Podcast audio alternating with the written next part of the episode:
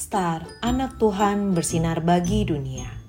Rendungan tanggal 10 Juli untuk anak balita sampai kelas 1 SD. Diambil dari Kolose 3 ayat 13b. Sama seperti Tuhan telah mengampuni kamu, kamu perbuat jugalah demikian. Tuhan pengampun. Adik-adik, Kali ini kelanjutan cerita kemarin tentang Kain dan Habel. Ternyata Kain menjadi marah dan iri hati kepada Habel.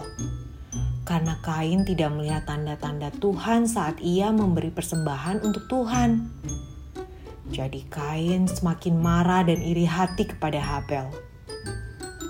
Diam-diam dia berencana untuk menyakiti Habel.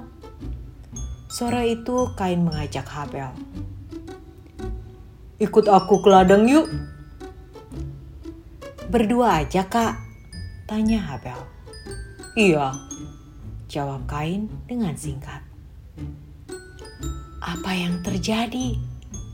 Saat mereka hanya berdua di ladang, Kain memukul Habel dengan sangat kuat. Bung!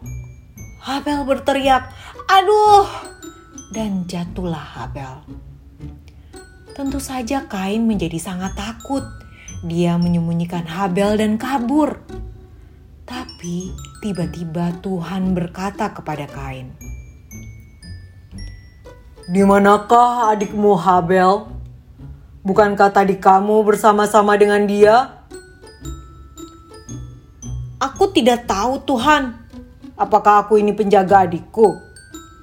Kain rupanya pura-pura tidak tahu. Padahal Tuhan kan tahu ya adik-adik. Tuhan tahu Kain sangat marah kepada Habel dan menyakiti Habel. Jadi Tuhan mengingatkan Kain.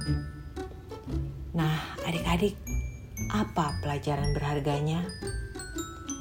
Tuhan juga ingin adik-adik bermain dengan baik-baik bersama saudara, kakak, dan adik. Ayo sekarang kita hitung ada berapa domba yang dimiliki Habel. Mari kita berdoa. Tuhan Yesus, aku mau bermain dengan baik-baik bersama saudara, kakak, dan adikku. Ingatkan aku selalu ya Tuhan Yesus. Amin.